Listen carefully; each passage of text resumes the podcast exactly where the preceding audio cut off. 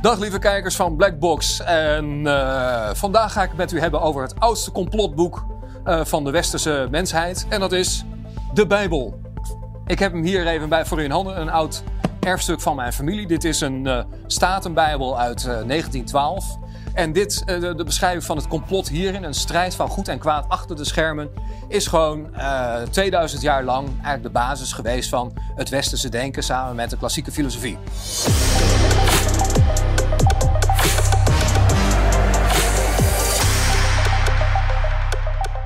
En daar is nu een ander uh, complot uh, voor in de plaats gekomen. En dat is dat eigenlijk de Bijbel van de transhumanisten, uh, Yuval Noah Harari. En toen ik dit boek aan mijn Urker visboer beschreef, was wel grappig.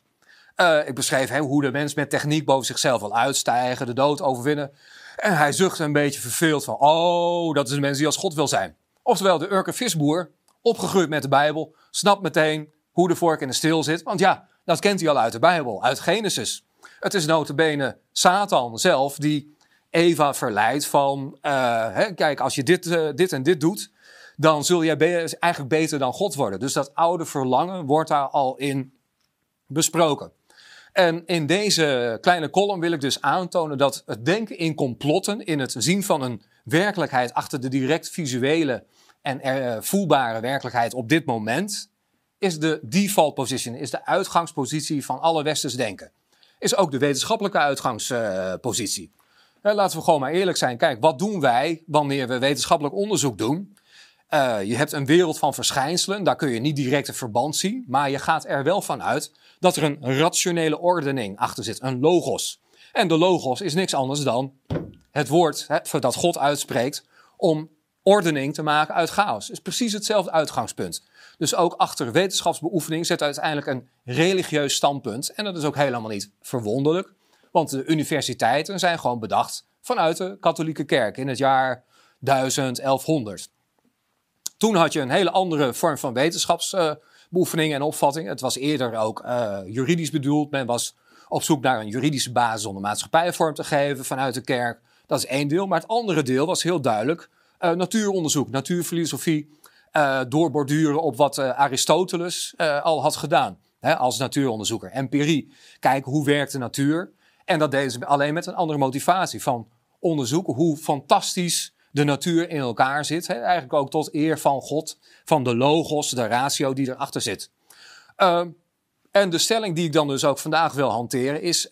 ja, je hoort ook met name in Wappieland en in de moderne hoek. Je hoort alles over spiritualiteit, maar dat komt vooral meer op met jezelf bezig zijn en jezelf goed voelen over jezelf. En uh, ja, ik vind het allemaal niet zo vreselijk interessant. Ik heb me daarin mijn eigen boek Liever dood aan slaven ook niet mee bezig gehouden. Ik vind het veel belangrijker om gewoon kennis te hebben van, hey, wat is er door onze voorvaderen nu allemaal geloofd en geschreven?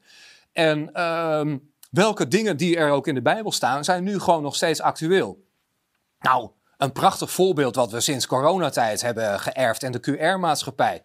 Ja, dat lijkt verdacht veel op de profetieën uit openbaring. Hè? Dus het, de passage openbaring 13, 17. Hè? Dat beschrijft eigenlijk de eindstrijd tussen goed en kwaad. Uh, dus door de Johannes in een soort uh, ayahuasca-trip of uh, hallucinatie is dat tot hem gekomen. Hè? Zo zou je dat nu verklaren. En daarin beschrijft hij dus de eindstrijd, die ook al in het Oude Testament een deel wordt genoemd, tussen het beest en nou ja, eigenlijk de verlosser Jezus die terugkomt en die de nieuwe aarde zal maken.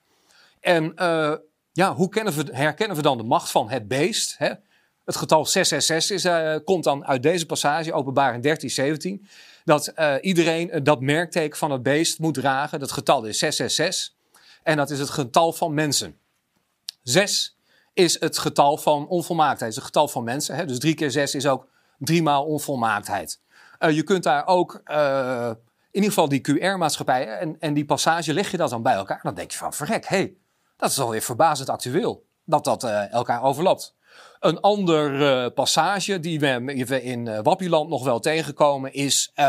ja, men gaat over aliens en ah, David Icke natuurlijk, de reptilians. Maar ook die hebben een bijbels equivalent waarover je kunt speculeren. En we zullen zo wel komen hoe je toch tot een rationele omgang met die passages kan komen. Hè, zodat je wel gewoon nuchter blijft, maar dat je tegelijk een open geest houdt en blijft onderzoeken gewoon. Want dat is ook andermaal weer een Bijbelsthema. Het komt bij Paulus vandaan. Onderzoek alle dingen en behoud het goede. Dus blijf altijd een open geest houden. Maar gooi in je onderzoek niet het meest belangrijke overboord. Namelijk dat je, veel belangrijker dan scherpzinnigheid of macht, dat je een goed mens wilt worden. Een ethisch functionerend mens. Want dat is wat de Bijbel ook levert. Een moreel kompas, hè, zeker na de komst van Jezus, dan gaat het er echt over dat je een hart hebt en dat je vanuit je hart het goede wilt doen. We even bij David Icke. Uh, die moet nou weer gecanceld worden uh, in Amsterdam, omdat hij uh, ook een exotische theorie hanteert. En dat gaat over reptilians, eigenlijk kwaadaardige machten die de aarde zouden controleren. Dan denk je, ja, waar tovert hij dat nou weer vandaan? Maar er zijn wel bronnen natuurlijk, waar ook de Bijbel mee verwant is, die in ieder geval een hint of een suggesties ge geven. dus als in ieder geval ChristenUnie mensen of CDA-mensen die zeggen christelijk te zijn, die, die dus zeggen te leven op basis van de Bijbel, zouden dan ook hun eigen boeken eens beter moeten bestuderen. Dus dan zijn er in ieder geval 3 miljard christenen zijn er op aarde. En daarnaast zijn er nog 2 miljard moslims, dus dan zijn, die zich ook weer baseren op die oude boeken.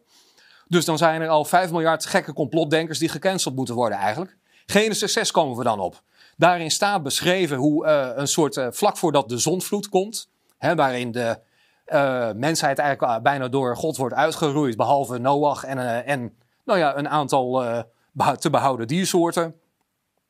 Dan wordt er beschreven dat er goden zijn, zonen zijn, een soort reuzen, die de dochters van mensen zien en die het daarmee gaan doen.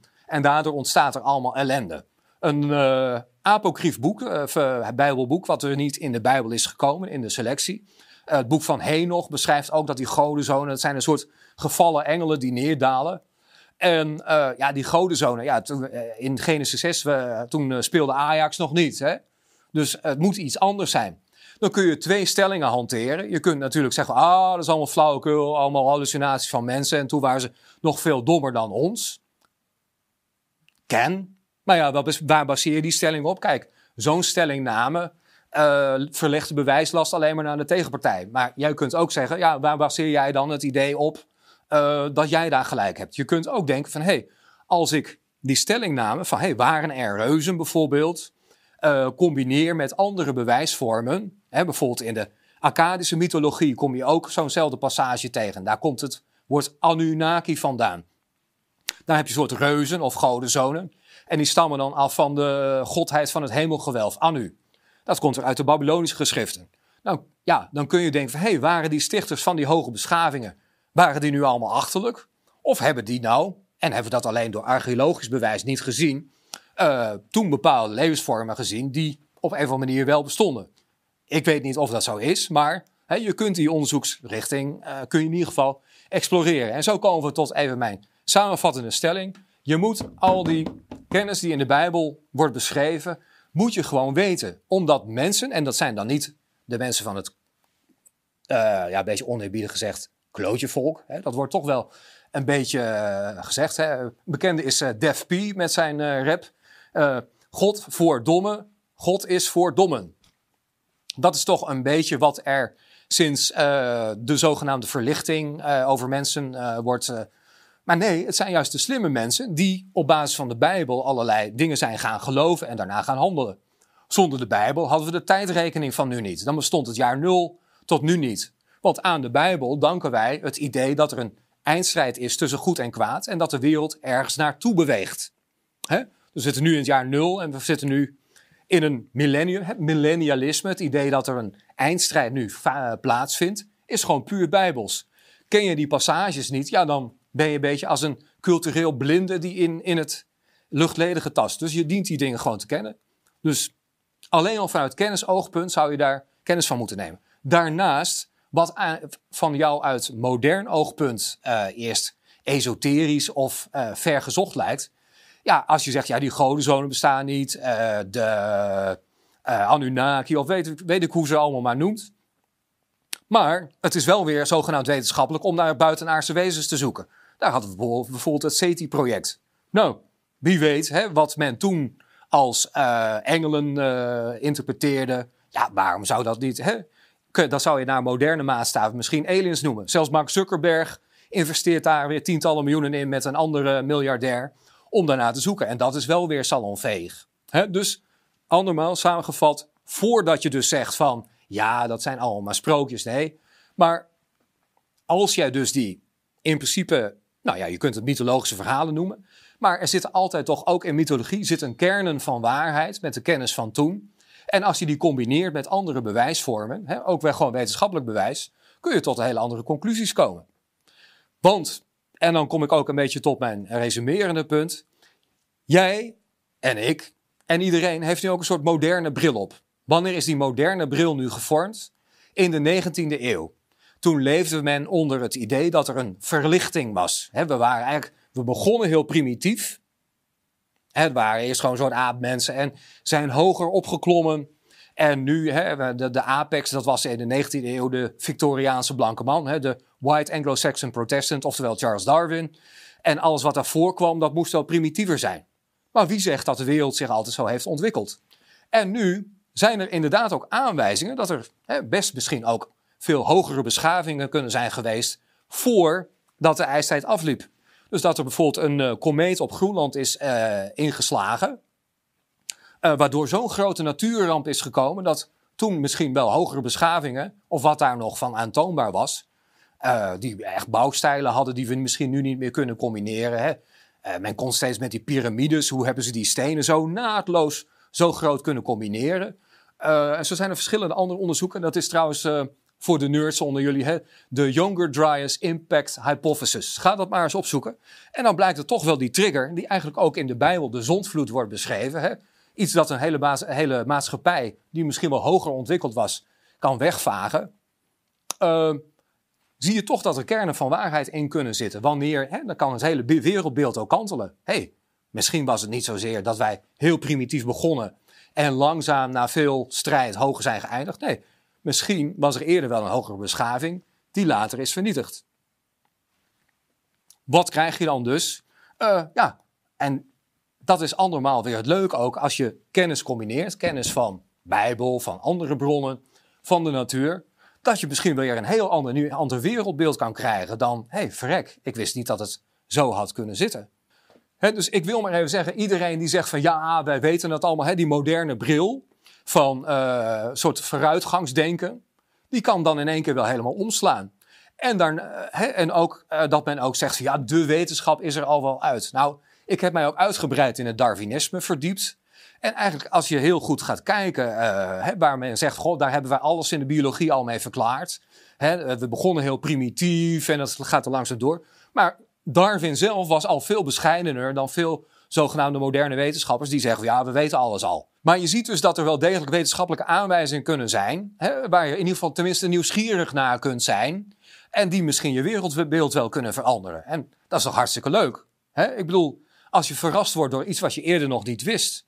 En, uh, en dan komen we ook bij zo'n David Icke terug. Ja, je hoeft niet alles wat hij zegt, hoef je helemaal te volgen. Uh, bij zijn reptilians en shape-shifting reptilians. En dan, uh, je ziet ook wel beelden bij, hoe heet die ene Amerikaan die uh, helemaal opgeblazen is. En dan zie je zo'n Hillary Clinton uh, veranderen in een reptiel. Ja, we kennen misschien allemaal die science fiction serie V, hè, waar die hun huid afscheuren en dan eten ze ook nog even een muis. Ja, leuk allemaal. Nou ja, ook een leuk verhaal. Hou het spannend vooral. Maar hij heeft ook hele goede dingen wel verteld. Dankzij hem ben ik aan Singularity University gekomen. Dat is de Universiteit voor Transhumanisten, die dus een fusie tussen mens en machine willen. En die hebben ook hun eigen Bijbel. Homo Deus van Yuval Harari. Nou ja, daar staan ook allerlei onwaarschijnlijkheden in. En als wetenschappelijk verkochte aannames waar je ook zomaar in moet geloven. Terwijl als ik daar nauwgezetter onderzoek naar doe. En ook naar de hele theorie van Darwinisme, waar ook nog zoveel gaten in zitten. Zoals hoe ontstaat complexiteit? Nee, dat komt niet zomaar uit materie voort. En dan kom ik uiteindelijk toch weer meer bij een Bijbels wereldbeeld. En daarmee gaan we dan ook afsluiten, want dan hoop ik dat jullie ook de kern zien.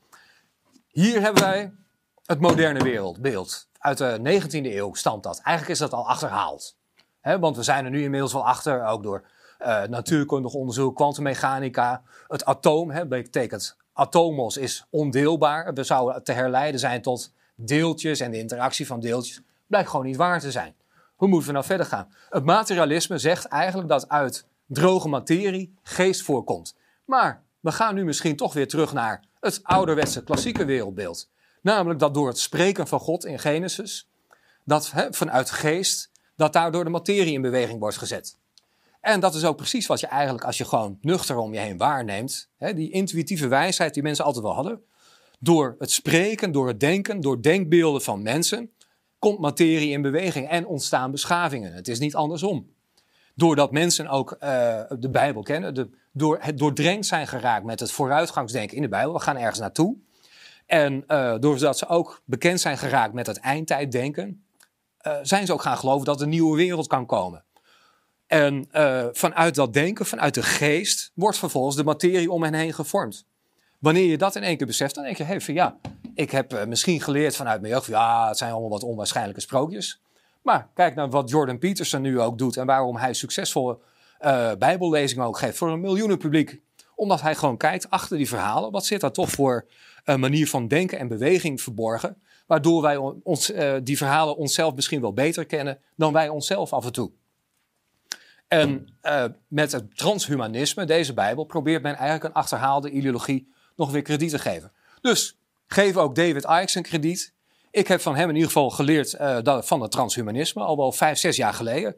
Dat hij dan ook wat exotische dingen te vertellen heeft. Nou ja, mag hij weten. Want binnen een zogenaamde wetenschap, moderne wetenschap, zijn er ook heel veel dingen die, ja, als je ze nader onderzoekt, op zijn best onwaarschijnlijk zijn. Dus onwaarschijnlijkheid kan niet het criterium zijn om hem te verbieden. Er moet dan dus iets anders zijn. Dus lees je Bijbel en doe kennis op en dan kun je ook de, wat als moderne wijsheid wordt gepresenteerd, kun je net als mijn Urke visboer relativeren. Als die Nouvel Harari bij het visbakken hoort, denkt van, ach, daar heb je hem weer hoor. Dat is weer Genesis 1. Dan hebben we de slang weer die uh, zegt van de mens kan als God zijn. En uh, dan komen we uiteindelijk ook bij het hoofdpunt. Hè? Dan kom je tot een bepaalde vorm van bescheidenheid. Van dat jij weet dat er iets groters is dan jij. Hè? De natuur, God, de schepping. In plaats van dat je zegt van, ik kan worden wat ik wil. Want uiteindelijk, wat jij bent, is door je omgeving, door je voorouders bepaald en door alle mensen voor jou. En dat die arrogantie, nou ja, dat zou misschien ook wel een toontje minder kunnen. En dat is ook de motivatie, denk ik, erachter dat men andere denkers nu wil cancelen. Men wil ook een bepaald wereldbeeld in stand houden, waarmee ook macht uh, samenhangt.